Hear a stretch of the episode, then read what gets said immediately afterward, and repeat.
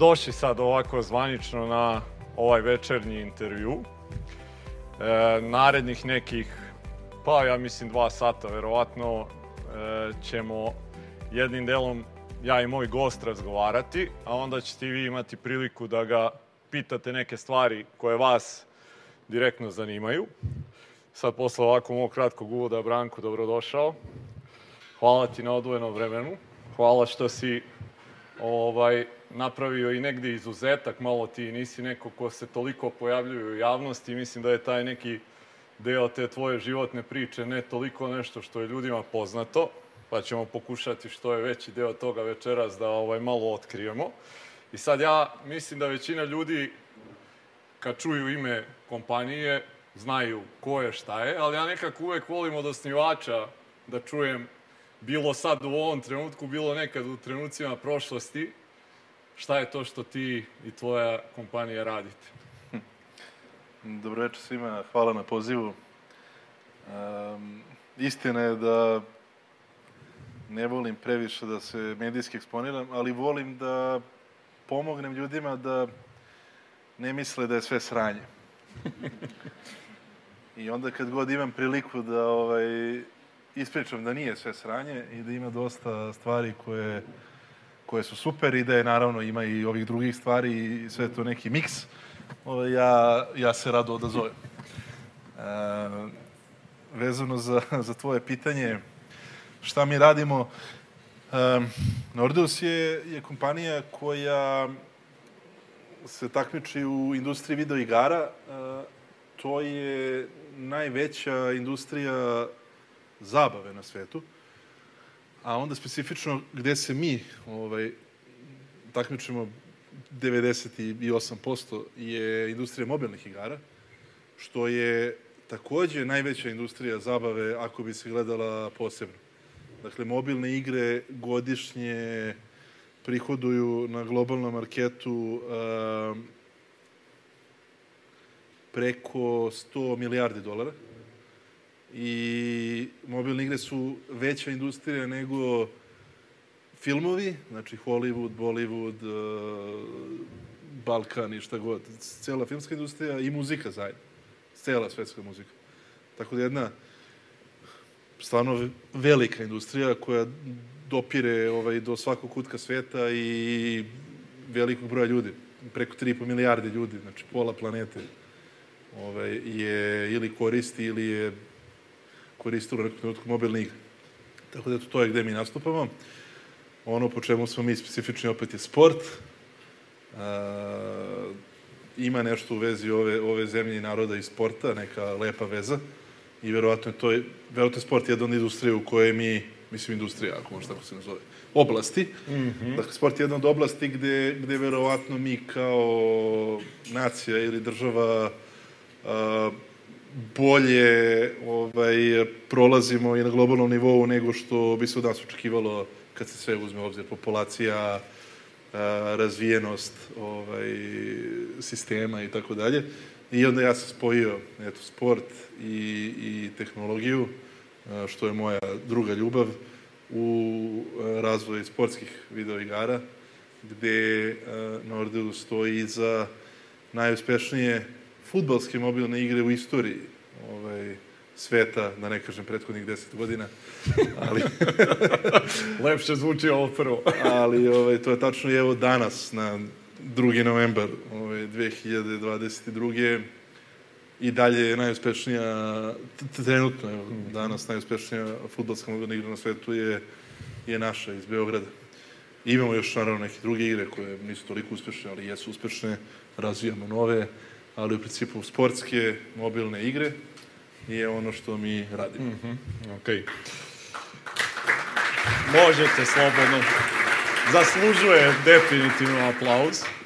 I sad sve ovo kad ti kažeš je stvarno e, toliko za pohvalu i toliko za respekt i doći do toga nije bilo sigurno ni malo lako ono što bih ja želeo da kroz ovaj naš večerašnji razgovor negde i uradimo je da probamo da pokrijemo taj negde tvoj put, pa ću ja i da te vratim ono negde na tvoje detinstvo, odrastanje i to kako je to sve izgledalo, pa da polako krenemo kao u ovom drugom novembru. Da nemaš kauč da legnem, pa...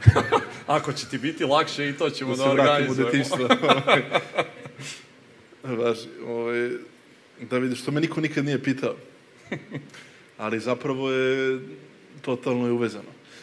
Da, dakle, moje detinstvo um, je bilo solidno traumatično. Uh, sad kad si me već pitao, mm -hmm. pred svima. Ovaj, srećom ne usred porodičnih okolnosti, tu sam imao dosta sreće i sa ovaj, a, roditeljima i, i tako generalno. A, bilo je to u tim okolnostima verovatno skoro najbolje što može. Ali te okolnosti su bile da sam ja ovaj, upisao prvi raz osnovne škole u SFR Jugoslaviji, a, a u drugom razredu osnovne škole ovaj, su dolazila deca izbeglice iz Hrvatske, a onda i Bosne, da sam ja ovaj, operaciju slepog creva uh, u ne znam, treći, četvrtu razredu osnovne škole ovaj, u, u univerzitetskoj klinici u Tiršovoj a, proveo okružen decom koja nisu imala udove, koja su bila siročad. A, tako da realno to je ovaj, totalni jedan pakao. A, ali ono što je tu bila, uvek imate ovaj, posledice ili ajde first order of consequence, ne znam, prvi red posledica, mm -hmm. ali onda imate često i neki drugi, treći red posledica bilo čega što se dešava. Dakle, nije, nije sve linearno. I onda u, u, u tim sankcijama, ratovima, opštoj ovaj, pa realno propasti a, društva, a, piraterija softvera je bila jedna od posledica. I to je jedna vrhunska posledica, jer, ovaj, jer sam ja, to isto moje detinstvo, nismo imali, ja sam imao računa, sreću, ima još jedan drugar koji je sad zapravo kreativni direktor u Nordeusu iz moje ulice, Uh, ostali nisu, ali tako mi se skupimo, jedni, mislim, kod njega ili kod mene. Uh, donesemo ko je šta nabavio, tada prvo na disketama, a posle i na, i na CD-ovima. I u principu igrali smo sve najnovije igre koje postoje na svetu besplatno, jer što bi ti to nekom platio, samo odeš, skopiraš i, i tako dalje. Onda sad, opet drugi red posledice bio i taj što su onda ovaj, to su bile kompanije sa zapada, koje su sad moji prijatelji ili s kojima ja radim, ovaj, to su bili tad iste firme, onda su i oni provalili da širom sveta, ne samo u Srbiji i Beogradu, ljudi e, nelegalno koriste njihove igre, pa su onda počeli da na neke kreativne načine zaštićuju a, njihove proizvode od kopiranja, što onda kao nove u posledicu ima to da neki mladi ljudi, da ne kažem deca, ovaj, kad se susretu s tim problemom da se to više ne može da se kopira, probaju da nađu način da reše taj problem. A, tako da, verovatno su bili neka prva generacija hakera, ili kako god se to sad zove moderno, gde smo stvarno razbijali source code igre, binarije, nalazili šta oni rade, ovaj, i onda to, sad ovo je realno krivično telo, ali je zastavilo. Da. Valjda. O, valjda. Ja sam... Valjda. Ovaj, da, i bio sam ovaj, mlađi maloletnik.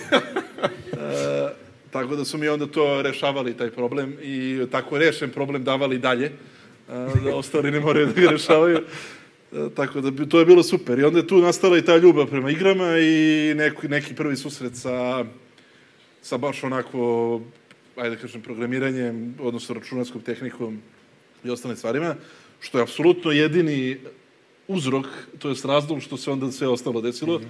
jer i Nordeus je nastao od strane ljudi koji su sa mnom to sve radili i prolazili mm -hmm. u mhm. detinstvo, onda kasnije i srednjoj školi i to nas je odvelo vratno i, i, i zajedno na fakultet.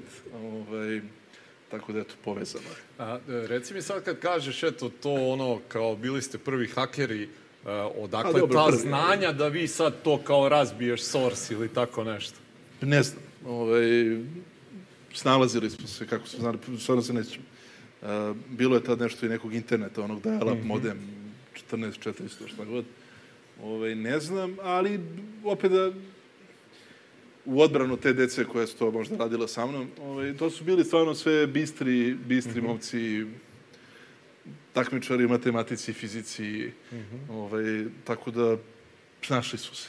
Mm -hmm. Ili smo se, ovaj, ne sjeća se. Nije tad bilo dostupno znanje kao danas, to je mm. stvarno ovaj, Danas je znanje baš dostupno i to je strava, da vi možete bilo šta skoro da, da nađete jako brzo i da ako imate volje naučite, pogledate, čak i ga da pitate. Ta, to nije baš bilo tako, ali snalazili smo se. Mhm. Ovaj, tako I to, to je, pretpostavljam, onda i uticalo na taj neki odabir, ovaj, e, što se školovanja tiče.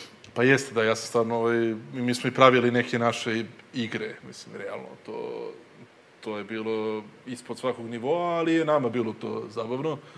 Tako da ja sam i napravio neke igre ovaj, i pre fakulteta, ali sam da rešio da da studiram ovaj, elektrotehniku, tačnije računarsku tehniku i informatiku, i informatiku na ETF u Beogradu, najpre jer sam hteo da, da pravim igre jednog dana. E sad onda ima, to me nisi pitao, ali je prirodni nastavak ove priče, ove traumatično sa happy endom.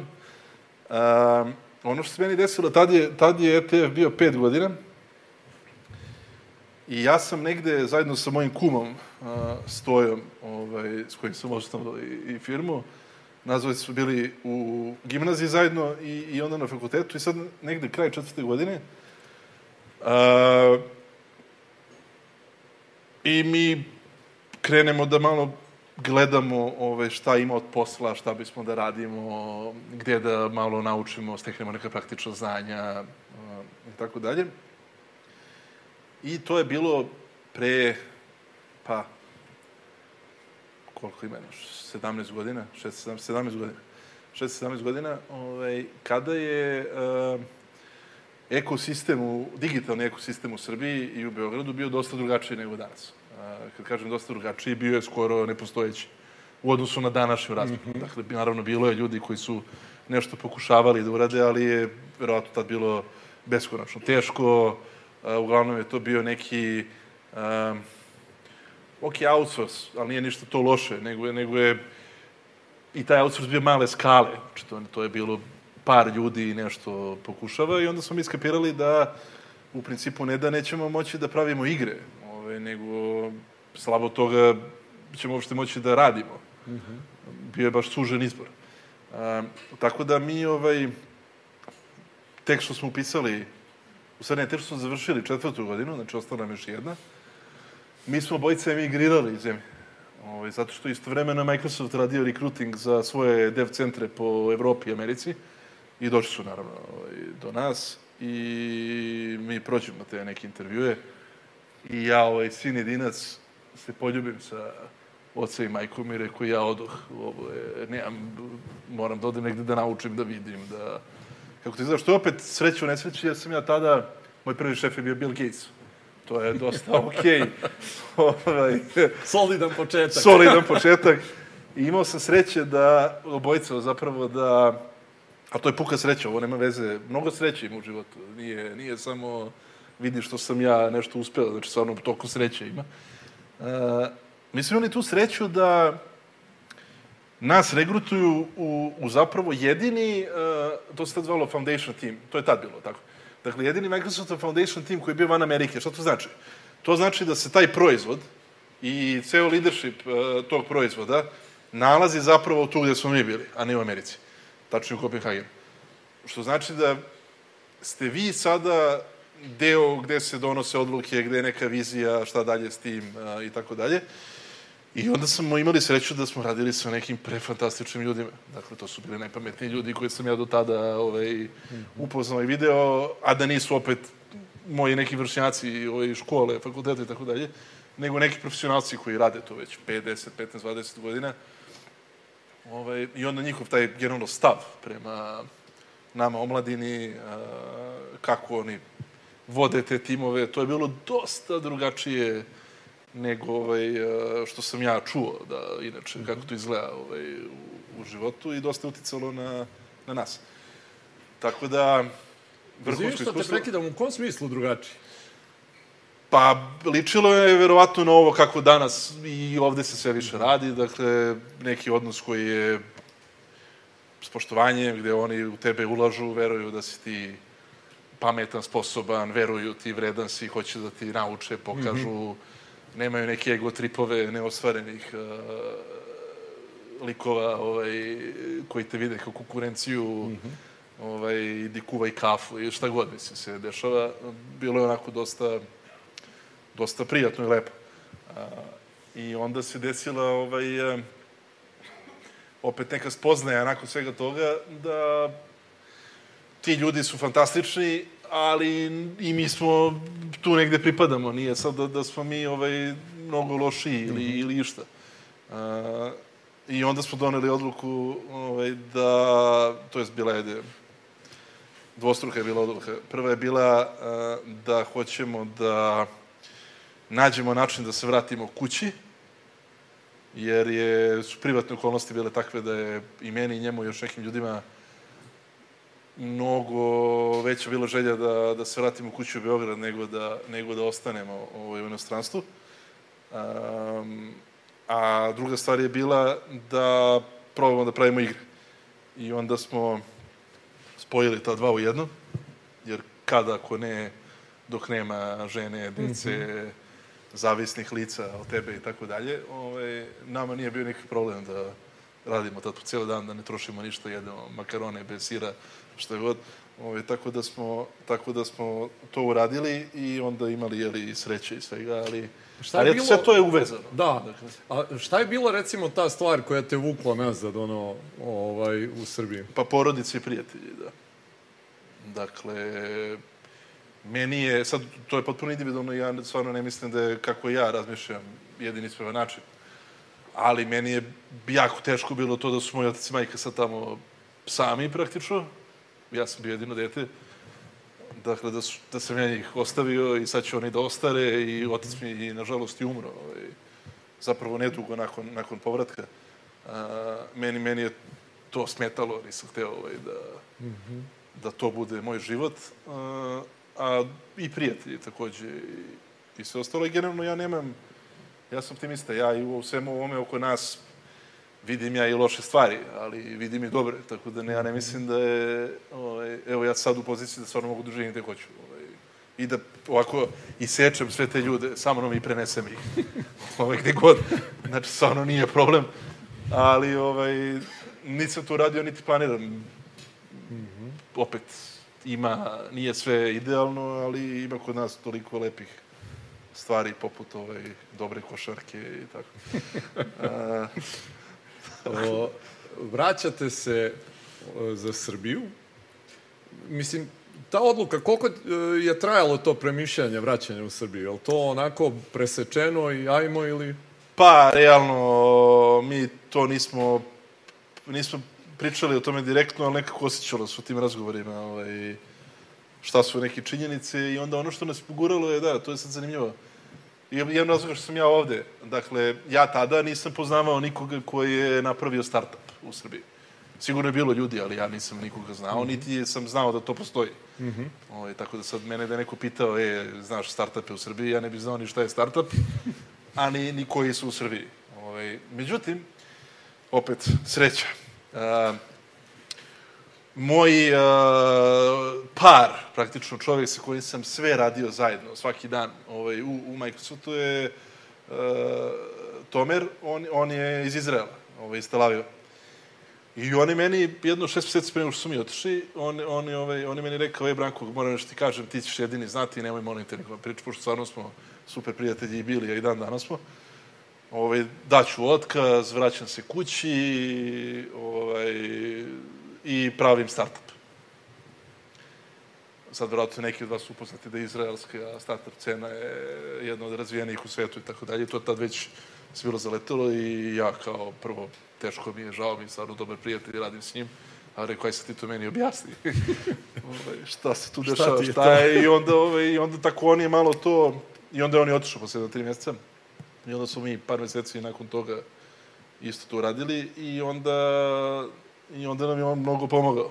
Jer sam ja njega svaki dan on je paralelno pravio taj svoj startup i zapravo prodao je prvi startup dok mi još nismo ni, ni napravili ovaj, prvu igru, ali značilo je da imaš nekoga ko zapravo je u ekosistemu gde to funkcioniše, gde se to dešava i ko može da ti dosta toga, makar high level objasni, ne može niko da uradi za tebe, ali i ko je neko kome veruješ 100% i ko hoće, ko želi da ti uspeš, mm -hmm. Ko je ovaj, puro nam pomoga. Ja sećam, Oni nama licence, dakle morali smo da imamo, sad ovo je novo doba, moraš da imaš licence. Bilo. I ovaj... Sve belo sad. Da, i i mi, te, čega mi još da kupimo sad softver za profesionalni razvoj igara i tako dalje. Potrošit ćemo bukvalno sve, sav novac. I, ovaj, I on nam iskopa neki, neki zapravo Microsoftov tada program za startupe, gde ti daju recimo prvih dve godine besplatno. I onda kao, kad uspeš, onda kreneš da plaćaš. I, ovaj, uh, e, a sad ti da bi to se prijavio, to ne može iz Srbije. to je bar tad nije moglo, ja se nadam da vrat sad i može. Ali, ovaj, i onda je on, on je registrovao u Izraelu na njega nešto, ne znam, novu firmu, šta god. To nam je sve nabavio, poslao kodove, mi smo bili full legalni ovaj, branch izraelski u, u Beogradu ovaj, i, i, i puno ima, toliko ima, mogu bi knjigu da napišem, mm -hmm. samo tih prvih ovaj, pa i trebao bi, ja mislim, da, nekom trenutku. Dana. ovaj, ali eto, puno toga se tu sklopilo uh, da, da, ovaj, da mi uspemo. Da. Koliko dugo je boravak u Kopenhagenu bio? Pa nešto, oko dve godine, malo jače. Mm -hmm. da. Jel te promenilo to onako malo da sazriš ranije, uopšte taj odlazak u kući, odvojenost? Pa vero, mislim, sigurno jeste, sad nisam ni o tome, i to me nikada niko nije pitao, nisam razmišljao, ali jeste da to je sad, mislim, kod nas, pogotovo ko iz Beograda studira iz uh, mamine kuće, ovaj, nije, tako da to je bio prvi put da sam ja, ajde, iznajmio svoj stan, morao da, ono, kuvam sebi ručak, ovaj, i tako dalje, tako da jeste, ali, Mislim, mnogo već promjena bila, mi smo bili dosta zreli, realno, i pre toga, verovatno, opet zbog toga odrastanja i svega što se dešavalo. Mm. O, ali jeste, najveća promjena bila je taj, a, ta izloženost, a, tada, opet i danas jedno i od, ali tada ubedljivo prvoj tehnološkoj kompaniji sveta. Tako da, to mhm. iskustvo je bilo mm -hmm. fantastično. Vraćate se u Srbiju? Da vraćamo se u Srbiju uz uh, veliku podršku i dobrodošlicu. uh, tipa, sti normalan, tipa, ja sam mislio sti pametan, tipa, džabe ti sve te medalje iz fizike kad, ovaj, kad ne znaš uh, život i šta god. Uh, tako da baš je bilo ovaj, tužno to. Sad, ono, ja smijem se tome, to je tragikomedija, ali bilo je tužno. Gde u principu niko osim bukvalno roditelja, ja mislim da nije, nije ovaj, ne da je pohvalio, nego nije se suzdržao da ćuti. nego imao svoje mišljenje da, na, i da pita, a ili će da te prime oni nazad. Ovaj, kad, kad shvatiš kad shvatiš da si glup. Ovaj, tako, Da, tako bilo, to je bilo sjajno. Ovaj, vetar u leđa. Vetar u leđa uz, ovaj, uz more ovog vetra koji inače te čeka da. kad bilo šta hoćeš da uradiš. Mislim, ne mora da je startup. Svaki, svaki poduhvat je težak, a onda još kad te ovako ohrabre, a, je bilo se još kad mi kažeš šta ćete praviti da radite, pravimo igrice.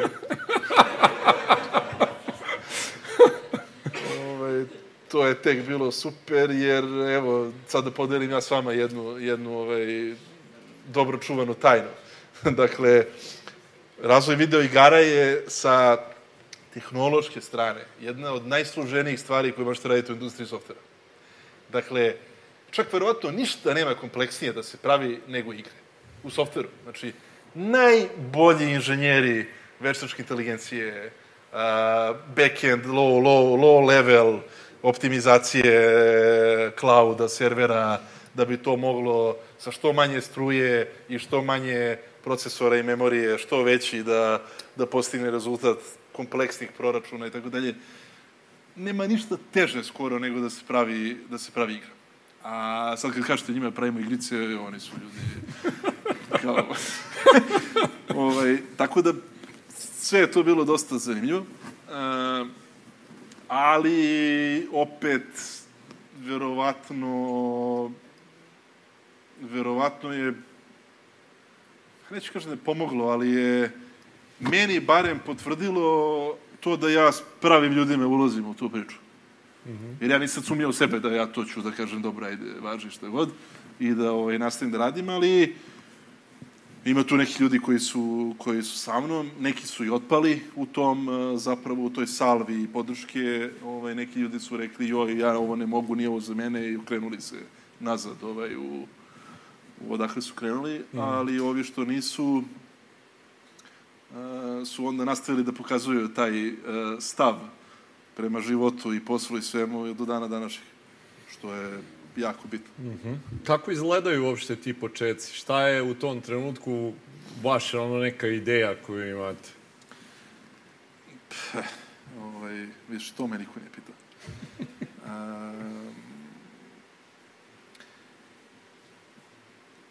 nije da smo imali baš jasnu ideju ovaj, šta, šta tačno uh, će da bude i kako ćemo tačno dođemo do toga. Ali imali smo jasne neke principe koji su bili dosta zdravorazumski uh, i tada, i, a i danas.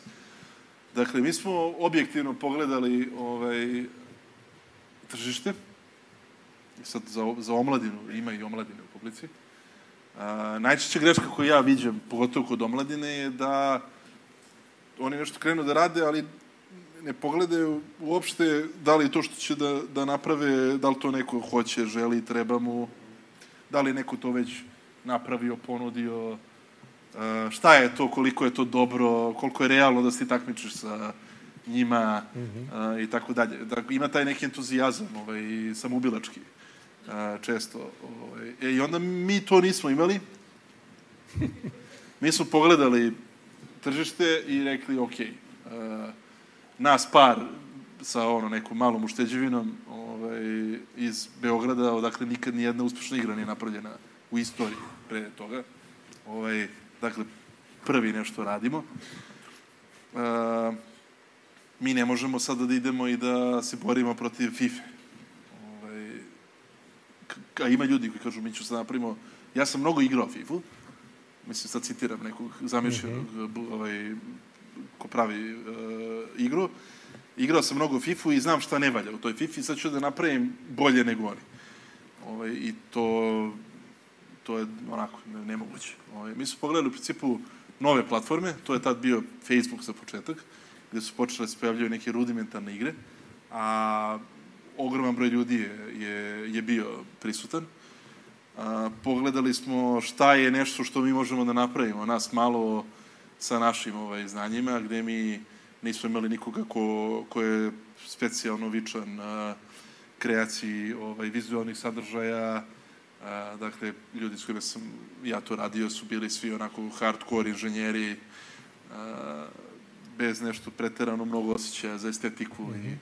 ili ajde možda osjećaja da, ali da napravimo nešto što će drugi da ovaj, misle da je lepo, teško. Tako da smo birali i platformu i tip igre koji pravimo um, i za koga pravimo, a pravili smo u principu igru koju smo mi hteli da igramo. I onda tako skratite sav taj neki user research i ostalo, da ti sad pitaš njega, a jel ti vi vole ovo ili ono, ovaj, što, što danas radimo i treba, ali mhm. tad to nije moglo i onda smo rekli, ok, a šta bi mi voleli? Mm -hmm. I onda su se nadali da ima još nas ovaj, na svetu i imaćemo neke korisnike E, tako da to je bio neki onako low cost, e, zdrav razum, e, da napravimo nešto što to će možda da bude dovoljno dobro da radi. Mm -hmm. I stvarno, tako smo i počeli, to je bilo, eto, taman dovoljno dobro, onda smo nastavili da, da ulažemo i, i, ovaj, i onda danas to sve izgleda mnogo drugačije. Mm -hmm. Ja sad, ja sad imam 200 ljudi koji rade sa mnom, od kojih neki imaju doktorate iz, ovaj, ne znam, ono, behavioral science uh, i tako dalje. Onda mi nije teško da sad znam šta hoće uh, korisnici, stvarno, tako što pitam njega. Da, ovaj, da. Ali da. A kako izgleda uopšte taj vaš rad u tom trenutku, ovaj, pošto možda neki ovde od nas uh, jesu u IT, odnosno ja nisam takođe. Kako uopšte taj rad, kad kažeš mi smo to radili, šta taj rad podrazumeva? Pa podrazumeva, sad opet, to je u našem slučaju bilo tako, a verovatno zavisi ko, ko šta pravi. Mi smo pravili proizvod, dakle, igru, to je proizvod, um, i onda to je ceo proizvod. Dakle, pra, pravite ga i sa strane šta je on, nekog dizajna, ovaj, korisničkog iskustva, funkcionalnosti, uh, vizualnog dizajna, Um, pa onda kako taj servis, odnosno proizvod se koristi kroz vreme, šta on pruža korisniku, odnosno u slučaju igre, to je kako ovaj, uh, stvara kod ljudi osjećaj zabave, uh, toga da žele da nastave, da se vrate ponovo, da imaju neku progresiju u suštini. I sad to je najbitnija stvar. Dakle, najbitnija stvar je da vi pravite nešto što drugi ljudi hoće da koriste. Opet, video igre su posebno komplikovane zato što a, to je, ne znam da li je jedini, ali je verovatno jedna od redkih, kako ne i jedina kategorija softvera a, koju ljudi ne moraju da koriste. Nego je koriste samo zato što žele da koriste. Dakle, sve drugo vam ili uvale na poslu i kažu moraš sad, evo ti Word, evo ti mail, evo ti Excel, ili ako ne znam, radiš uh, arhitekturu, evo ti AutoCAD, neki 3D alat. Uh, dakle, ili moraš da koristiš taj softver i onda moraš da ga platiš, uh, ili moraš da ga koristiš tipa Google, jer ne možeš bez Google ništa, pa ga plaćaš kroz gledanje oglasa, tako dalje. I, a igre su, ne mora, nego želiš. Pa onda još free-to-play igre, što je biznis model gde smo i bili jedni od pionira, a, je nešto gde ti to želiš da koristiš i besplatno.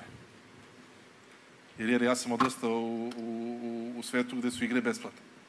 I možda smo zato mi jedni od pionira tog biznis modela. Nama je to bilo prirodno. Ovaj, i, onda, I onda su mi rekli, ajmo mi da napravimo i damo ljudima igre za džabe, da igraju tako je najbolje. I onda kad se zaljube u igru, onda im damo ovaj, opciju da potroše novac u njoj. I to, to niko nije radio. Ovaj, a, stvarno bili smo jedni od prvih, ali opet ne znajući za druge. Mm a, koji, koji su to ovaj, a, iz svog tog nekog iskustva napravili. I onda, I onda evo da se vratim na, na početni ovaj tred. Dakle, pravite proizvod ili uslugu gde razmišljate o tome zašto neko želi da je koristi, zašto će želiti da se vrati, zašto će onda želiti da plati, zašto će želiti da nastavi da plaća. I mi smo o tim stvarima najviše brinuli. Iako su mi inženjeri koji su najlakše, nam je bilo stavim slušalice i udarim po četiri programska jezika na raznim stranama, to mi je bilo najprirodnije i najjednostavnije. A ovo je bilo mnogo teže, ali je bilo najbitnije. Uh, I onda su mi stvarno 90% vremena provodili na tome, kao neki uh, neuki psiholozi, pokušavajući da ovaj, zamislimo kako ljudi to koriste i da, ne znam, nešto saznamo, a onda onih 10% vremena zapravo pravili neki prototipe da to validiramo. I onda tek nakon toga, i tako se zapravo igre i prave, iako mi to tad nismo znali, ali je delovalo logično, ovaj, tek nakon toga stvarno zasučeš rukave i onda mm -hmm. sediš po 6 sati dnevno u kodu i samo proizvodiš uh, to ponašanje koje ovaj, želiš da softver ima odnosno na korist. Mm -hmm. A odakle taj input? Ovaj, je li to došlo možda od rada u Microsoftu, to razumevanje da prvo ili je to nešto intuitivno vama bilo? Nije, to je mislim posledica toga što smo, što smo mi stvarno toliko vremena proveli igrajući igre u životu. Mm -hmm. I ovaj, ja sad imam, evo i dan danas, eh, čak i sa najbližom ovaj, porodicom, raz, razgovore na temu da li je sad dati deci igre, ne dati i, i, i tako dalje, gde naravno ni, ništa nije, svaki ekstrem je loš i ja sam i trenirao košarku i u školu i igrao igre po celu noć. I onda, ovaj, i onda mislim da je to okej okay ako ljudi hoće sad ako neko samo sedi igra igra, ali mi su toliko igrali igre da smo verovatno bili na neki način ovaj, eksperti za to šta taj softver treba da ti da kao, kao ovaj, uh, neko iskustvo sa opet korisničke strane. Um, tako mm -hmm. da mislim da to odatle. Da. I uh, u tom trenutku koliko vas se bavi svim tim? Pa bilo nas između 4, 5, 6 uh, u prvih tih par meseci, onda su ovaj, neki, neki ljudi nas napustili, ne, neki smo mi zamolili da nas napuste. Uh, i ostalo je naša tvorica u suštini koji smo tu to gurali ovaj, od početka a, praktično do, do kraja, gde smo imali imali smo jednog dečka iz, iz, iz Kluža, iz Rumunije, koji nam je bio outsource, ovaj developer za, za jedan deo. A, imali smo neke sjajne momke iz Beograda koji su nam radili opet po ugovoru, ovaj, oni su imali svoju kompaniju koji isto mnogo mi drago, jako uspešno postala nakon, nakon ove naše saradnje. Oni su isto razvili super biznis, nezavisno od nas, ali smo mi bili praktično prvi neki klijent koji je napravio neko ludilo na globalnom nivou, ovaj, onda su oni nastavili da, da rade svoje stvari, tako da imali smo neki te ljude koji su radili ovaj, projektu, ali to je bilo to do, do kraja. A onda je, onda je krenuo ovaj prihod, i onda kad je krenuo prihod, onda je to sve bilo mnogo lakše. Do trenutka, ovaj, dok je prihod no. došao, uh, od trenutka kad ste krenuli da radite, koliko je prošlo i je li taj period sve vreme vi to finansirate ono nekom vašom ušteđevinom? Da. Prošlo je prošlo je uh, otprilike godinu dana uh, do nekog prvog prihoda, ali onda zapravo do, do, do prvog prihoda gde nama bilo jasno da ćemo mi sad da imamo prihod, mm -hmm. je, je prošlo verovatno skoro godinu i pol dana. I da, sve smo finansirali sad ovo, ovaj, ovo isto ne zna niko osim ljudi u, u Nordeusu. Dakle, mi smo došli u jednu trenutku u situaciju gde, gde Toma, a, jedan od čtvorice koji je ovaj, eto, i on inženjer, ovaj, ali je izabrao da će on da radi marketing, jer mora neko to. Ovaj, Zapalo mu. ali opet vrhunska stvar, zato što zapravo mi da to nismo znali, ali danas je digitalni marketing i performance marketing. To je analitika, to je data science. Meni, nama sada u Nordeusu ovaj, marketing tim većinom su ljudi koji zapravo su STEM, dakle matematika, inženjeri. E, mi to nismo tad znali, ali eto tako je bilo. Tako to što tome inženjer je bilo vrhunski, jer smo mi uništili konkurenciju. Dakle, ono što njima treba milion dolara, on uradi za 250 dolara. Zato što oni razmišljaju, sad ću ja billboard, slogan, uh, sači, sači, šta god. A on lepo uzme i iskakuje ih i upropasti ih. Ovaj, ali, ali, ali, ovaj, uh, seća se trenutka gde Toma šalje mail, kao evo, imamo još 140 dolara. I sad to je to. To je posle njih 140 dolara koje mi svi zajedno imamo. Ovo, ovaj, I kao idemo sve u marketing. I, I mi kao, ok, šta sad, mislim, u šta ćemo pametnije da potišemo. Ovo, ovaj, I onda je on to pustio, ali tad bio problem, i to je vratno i sad problem, što vama bilo ko uh, Znači, ljudi uplate novac tipa Facebooku, Google, Apple-u, ali oni vama taj novac puste posle 30, 45 mm. dana, 60 mm. dana, pa kad je recesija ume to i više dana da bude.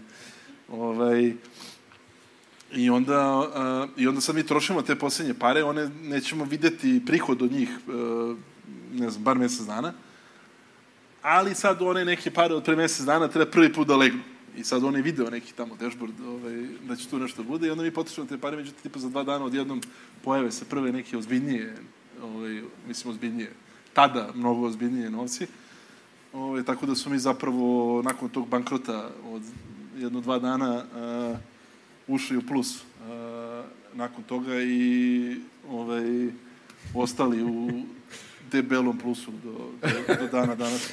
Jel bilo ono, kroz taj period, ono, kod tebe ili kod bilo koga ovaj, onako neke sumnje u sve to što radite, pomisli možda da se ovaj, to i napusti i da se vrati u Dansku ili šta god? Da, što je isto odlično pitanje. E, pa ču, čudan je, čudan je odgovor. Ovaj, mi nismo bili sigurni da će to da radi. Dakle, stvarno nismo. I mi smo to radili da, da ovaj, napravimo, pa ga onda pustili, pa onda nastavili na tome da radimo, gde to sad radi, ali ne znaš da radi i da li može da skalira, da pozitivno vraća ovaj, investicije u, u marketing ili u bilo šta, u servere, dakle, to je bilo i pre klauda. Morao si da iznajmiš fizičku mašinu negde u Nemačkoj ili Engleskoj da, da ovaj, ti bude server. Uh, Tako da nismo znali da će to da radi kao biznis, ali smo znali da mi ne odustajemo. Ove, tako da stvarno nijednog sekunda tu niko nije imao plan B, uh, paralelno nešto ovaj, razmišljao, radio. baš smo bili do kraja i čak verujem i da nismo uspjeli. S tim prvim, ja nisam siguran da bi to bio kraj ove naše priče.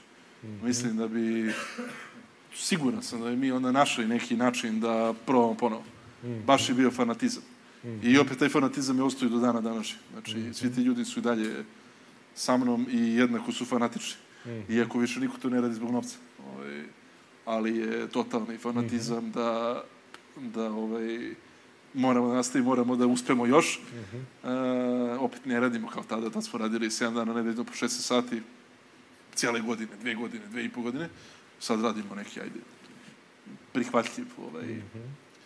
Prihvatljiv broj sati, ali da, nema, Jel nema taj prede. izbor ekipe, te ono, opet neka sreća, životna sudbina ili Pa mislim i jeste nije. To stvarno, ovaj, eto, i, i, i, i Stoja, tačnije Ivan, uh, Stoja nadimak, i, i, i Stoja i Toma su išli sa mnom u šestu Beogradsku, uh, a onda, a onda ovaj, Stoja i ja na, na ETF, Toma na FON, ali opet smo, mm -hmm. tako da nije, ja se, ovaj, i iz gimnazije s nekim ljudima se družiš, s nekim ne, mm -hmm tako da nije, postoji mhm. neka ovaj, tu veza, ali je ono što jeste činjenica da mi tu smo tu ušli kao prijatelji i tako radimo i danas. Mm -hmm. Tako da nije, ovaj, verovatno nije isto, ja ne, ja ne znam kako je uh, raditi sa nekim ko je samo profesionalac. Meni su sada svi ljudi u, u top menadžmentu uh, kompanije su moji bliski prijatelji. Mi smo možda postali prijatelji možda su upoznali na poslu.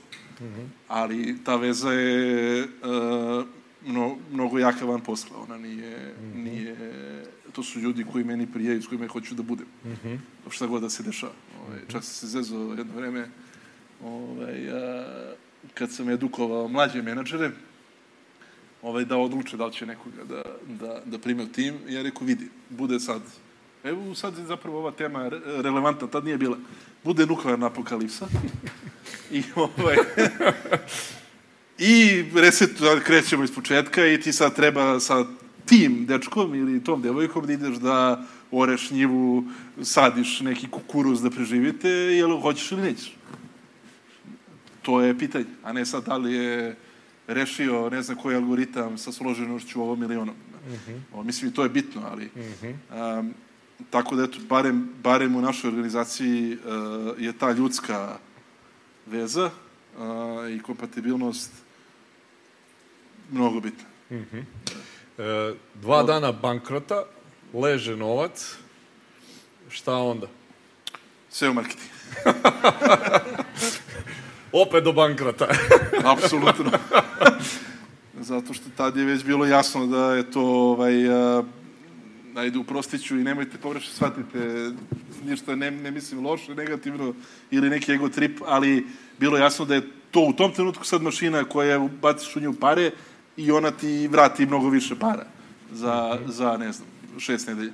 Tako da smo ovaj, mi u principu stalno do kraja gurali marketing, dok to nije bilo već, uh, što je bilo par meseci kasnije, ali, ali delovalo kao godine dok to nije e, bilo jasno da sad možemo i da mislim, usporimo rast. Ne da usporimo, ali bit će rasta dovoljno da krenemo da investiramo i u druge stvari. Mm -hmm. Kao što je, ne znam, kancelarije, mm -hmm. a, zaposlimo još, još Gde malo ljudi. Gde ste do tad bili uopšte? Mi smo bili u, a, pošto sam ja s Konjarnika, i ovaj, ima, ima jedan a, ne baš reprezentativan tržni centar ovaj, u mojoj ulici a, koji je, nažalost, e, nije baš uspeo. I onda su mi tamo iznajmili neku, neku bili sobicu koja je imala ni prozor. Dakle, bila je ovo, je, kod Srbija, ono land locked, što nema more. Ovo je bila sobica koja nema uopšte prozor. A, neki lokal, mali jako, ali za, bukvalno plaćali smo struju, vodu i neke sitne, sitne eure. Ovaj, tamo smo bili prvo, a onda smo počeli da ovaj, prelazimo u malo bolji smeštaj. Mm -hmm. e, Za kad... početak sa prozorom. Dobro, ono... Da, nije... Pitaj me sve, ja sam tražio, kad smo pravili zgradu, ovaj, ja sam neki austrijski arhitekte radio i sad čovjek nacrtao ovaj, uh, onaj parapet se da to zove, znači metar 20 zid i onda kao prozor. I sad to je neki safety standard, ono, i ja reku ne može, nema zid. Kao pa si ti normalan, kako nema zid, reku veruj mi, znači u našoj zgradi sve mora da je prozor. Traume sad, ovaj, iz detinjstva. Tako i nemoj da me pitaš šta ti objašnjavam, znači, ali kod nas zidova nema. Znači dolaziš do prozora od poda do plafona i, i ovaj, cela zgrada unutra sve u staklu, tako da ti praktično možeš da vidiš s jedne ulice kroz zgradu u drugu ulicu. Ove, tako to ste traume, ali okej. Kad e, je došlo do znači, tog nekog priliva da sad si rekao možete da investirate u neke druge stvari, šta su prvo bile te neke druge stvari ako gledamo, ajde da gledamo u ljude, šta je ono što ste odlučili da je prvo što vam treba van tog nekog core tima? Um, stvarno smo, da, pr prvi, prvi novac, jesmo, mislim, mi smo i, i pre toga prvi novac uložili ljude, to jest ove koji, gde mi nismo imali ekspertizu ili, ili ovaj, uh, kapacitet da, da to radimo. Uh, pa, pr prvo što smo uložili su opet bili naši prijatelji, ali koji nisu mogli da dođu i da rade bez plate. Mm -hmm. Sad, to je opet sreća u nesreći. Ovaj, kroz školovanje i neka prijateljstva povežete se s ljudima s kojima vam prija i koji su možda slični vama i, i tako dalje. Opet, ETF u Beogradu uvek je i danas imao fantastične, talentovane mlade ljude. Tako da prva stvar koju smo ovaj, mi uradili je, uh, pošto mi smo svi radili za džabe, znači bez, čak i Toma, Toma je imao posao. Ovaj, on je bio s nama Microsoft, bio u Beogradu, Toma imao posao i onda je Toma dao otkaz na poslu i da dođe da radi za nula. Bukvalno, mislim. To je da, I on je radio tih prvih godinu dana za, za, za bez plate, a, a žive, pošto se mlado ženio, ovaj, sa suprugom u iznajmljenom stanu i u principu krcka ono što je što je imao, ali dobar return on investment je bio za njega, nemojte da se bez sekiracije ali, ove, ali onda bilo je neki ljudi koji nisu to mogli da, da. Da, da, da prihvate, tako da smo mi ovaj, praktično prvi neki taj payroll novac potrošili na, na naše prijatelje koji su došli u Nordeus za manje plate nego što su imali tada, ali ipak za plate, a, jer morali su da, da nečega žive. To je bilo prvo, a onda je, onda naravno krenuli smo da širimo tim, mm -hmm onda viš to nisu bile manje plate, bile su kompetitivne i tako da. Mm -hmm. Ali, da. A, reci mi sad baš, eto, kad navodiš Tominu situaciju, ovaj, jel to stvaralo možda kod tebe neki dodatan pritisak? Kad ti znaš da je taj čovjek, recimo, napustio posao i došao tu da radi bez plate i troši neku ušteđevinu, a ima ono porodicu kući? E, sigurno, ali s druge strane, ja njega znam od 13-14. godine, ja sad imamo evo, skoro 40 obojica. Tako da... E, znao sam ja da on s tim nema problem. Mm -hmm. Tako da nije mi to bilo toliko sad, ovaj, baš da ne spavam noću, ali, ali jeste pritisak, mislim, mm -hmm. sve to je pritisak. Mm -hmm. Roditelji koji gledaju kako umiramo od posla, šta se dešava, znaš, tako da, tako da jeste, ali opet Lepa je tu priča. Mm -hmm. e, rekao si da je od roditelja bilo podrške u tim počecima i sad to traje već godinu i nešto, jel postoji podrška i dalje ili... Pa postoje, ali, ali ovaj, eh, oni, oni su još manje nego mi razumeli kad ćemo mi to da napravimo. Oni mi baš nismo razumeli. I, ovaj, I onda, zato ja, na primjer, i dan danas, kad mi timovi dođu i pa ne znaju rok, ja sam fuzonu, naravno da ne znate rok. Tako da ja sam možda jedan od redkih CEO-ova koji su na strani ljudi koji nešto prave. I u Nordeus u principu ti deadline su dosta, ovaj, šta oni kažu. Ovaj, jer, je, jer sam ja to proživeo, pa valjda imam više empatije. Uh, ali eto, roditelji su malo imali manje empatije, jer mi smo rekli, bit će to za, ne znam, šest meseci ili šta god, pa evo, bit će sad za tri nedelje, pa onda prođu četiri nedelje. Mi smo se hranili u principu kod, kod moje majke, jer je, sam ja bio najbliži ovaj, tržnom centru Konjanik. Tamo smo jeli za džabe i, ovaj, i onda mi dođemo svaki dan na ručak i prođu četiri nedelje od te tri i, ovaj, i ona pita kada će to da bude, a mi kao evo za dve i po nedelje. Ovaj, I onda je to postala bila neka interna šala, ali opet nije tu neki dug period ovaj, i valjda roditelji uvek veruju svojoj deci ono što je i dobro i loše, ali nije, stvarno to je bilo mm -hmm. okej. Okay, da. E, sa tim novim ljudima koji dolaze, sad pretpostavljam dolazi neki izazovi koji su vama strani, a to je sad opet možda i upravljanje, vođenje nekih timova i kako ti to ono iz tvoje neke perspektive taj period izgleda u tom trenutku? Pa u početku nije bilo neke razlike. Ovaj, sve što sad opet da budem potpuno iskren, ja sam u Microsoftu opet ne malo spletom okolnosti, malo verovatno i nekim svojim ovaj, uh, uspešnim radom, ovaj, jako brzo, praktično bio sam najmlađe postavljeni menadžer u istoriji tog razvojnog centra. Ovaj, tako da sam imao nekog iskustva, ovaj, tankog i površnog, ali nije mi bilo neobično da sad kao ja nekome pomognem da, da ovaj, razume šta se od njega očekuje i, i tako dalje. Ali u početku nije bio stvarno nije bilo neke razlike jer smo mi i dalje svi radili sve vreme. Ja sam i dalje kodirao, dizajnirao, uh, gledao s Tomom gde ćemo da uložimo. Dakle, svi smo to radili sve zajedno. Uh, I opet ta prva ekipa ljudi koji je došli su bili naši prijatelji. Dakle, to je bio, ne znam, Fas koji sa mnom igrao basket ovaj, za, za ETF, pa onda još jedan Strahinja koji je takođe bio sa, igrao sa mnom basket za ETF. Dakle, to su ljudi s kojima sam i studirao i putovao na turnire, igrao košarku šta sad da njega da menadžujem. Ovaj, nego ovo mora se desi i ono se desi.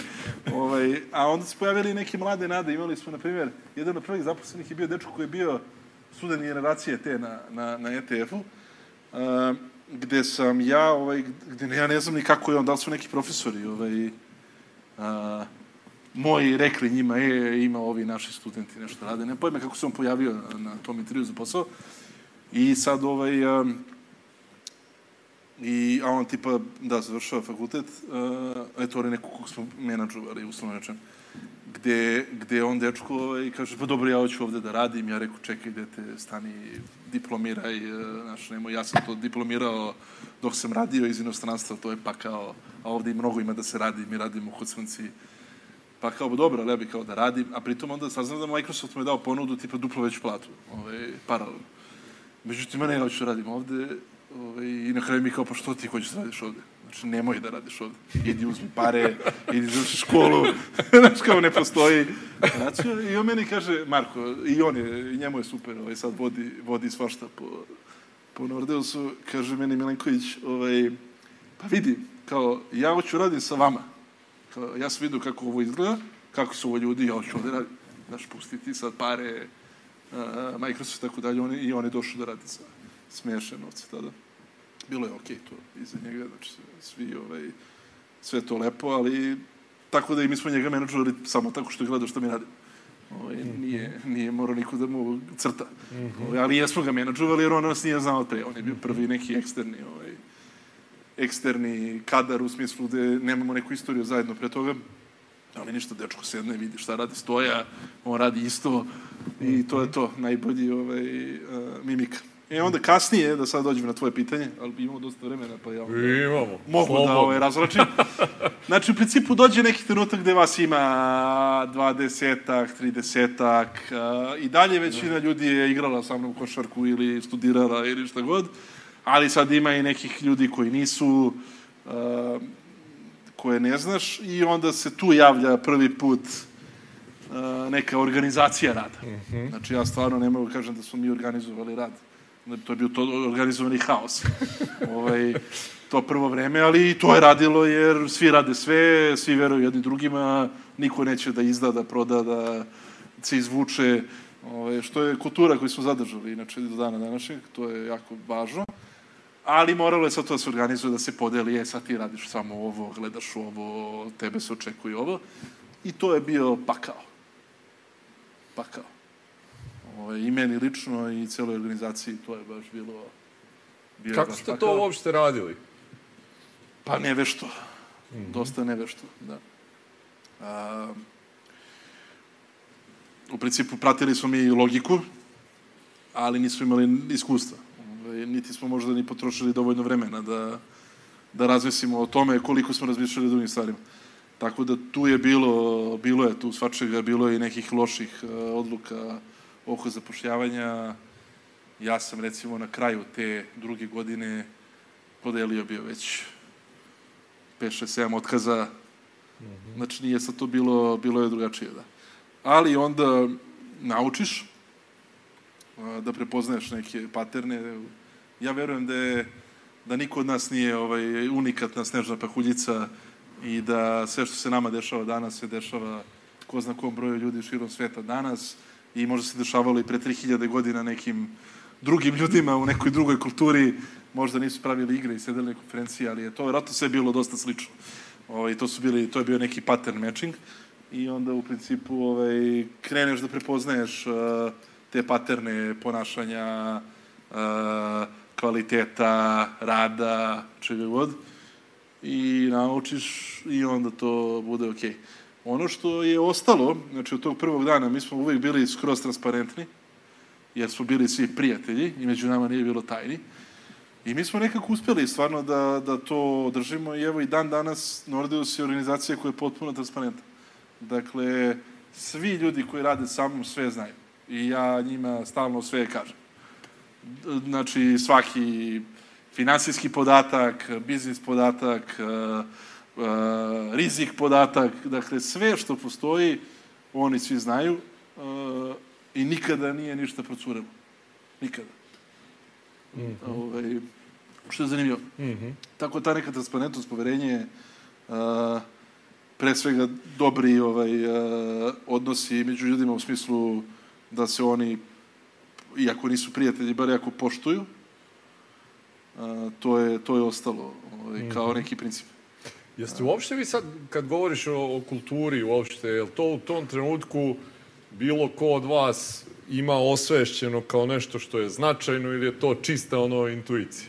E, Vratno između, ali apsolutno nismo bili osvešćeni niti znali za pojam e, organizacijona kultura. Mm. Ja sam učio TEF, znači to je sedam elektronika, 11 matematika, kakva organizacijona kultura.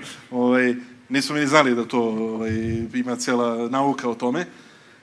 Ali jesmo znali jednu drugu stvar, a, to je da a, je nama lično bilo mnogo bitno, a i danas se to nije promenilo, mnogo nam je bilo bitno kako se mi osjećamo na poslu. I sad kad sam već imao kontrolu nad tim kako ću ja da se osjećam na poslu, jer realno ja imam kontrolu. Mm -hmm. a, stvarno smo radili od prvog dana stvari tako da se mi osjećamo dobro. A, I onda je tako nastala naša kultura. Dakle, mi smo kreirali okruženje u kome je nama bilo jako dobro, lepo i prijatno i meni dan danas, ja ujutro jedva čekam, ostavim decu u školi, jedva čekam da uđem u, u, u, u kancelariju, da vidim ljude, mene to ispunjava, ja sam srećan. Mm -hmm. I onda sam ja ceo dan srećan tamo, mm -hmm. uh, jer mi je stvarno super. Mm -hmm. I onda sad, bilo je nekad i po medijima malo, nažalost, zato ja isto ne volim da idem po medijima, jer dosta tu se onda to interpretira ovaj, slobod, slobodno. Ovaj, kako sad, ne znam, high-tech firme tu turaju zaposlenima, ne znam, ceđeno voće i ne znam šta ovaj, uh, im titraju, što ima istinu u tome, ali, na primjer, ja kad gledam nas, ovaj, mi imamo full restoran sa ono, 15 ljudi koji rade u kuhinji, šest šefova, ludilo i tako dalje, ali to nije da bismo mi sad kačili slike po LinkedInu i pravili promo video. To je zato što, na primjer, ja kuvam, Stoja kuva, Toma kuva, uh, volimo da jedemo, i dalje se ne vidi srećom, ali i to će da se promeni uskoro. Godina. Ovaj, uh, I nema ništa lepše nego kad ti možeš sa svojim prijateljima svaki dan da lepo sedneš na jedan lep ručak, gde jedeš lepu hranu, gde vi pričate uh, i tako dalje. Nama je to kao što je kući nekako trpeza mm -hmm. ovaj, uh, gde se porodica održava. Mm -hmm. uh, mi smo to preneli i na, i na našu organizaciju. Mm -hmm. I mene bukvalno ne zanima me koliko to košta. Znači oni dođu kao, pa šta misliš da ti malo mi da ovde budžete, reku ne dolazi ovde. Znači, to je možda ko košta koga treba, ja to reću, ne da gledam, potpisat ću i mm -hmm. to je to. Ove, tako da mi smo sebi napravili udobno, mm -hmm. a, okruženje i kulturu, mm -hmm. ove, i to nama radi super. Mm -hmm. I mhm. radi super i ovim ljudima kojima radi super, pa su s nama. Mm -hmm. Ima ljudima kojima to ne radi super, oni su nas napustili, mm -hmm. i to je mhm. isto okej. Okay. Tako da sve... Mm -hmm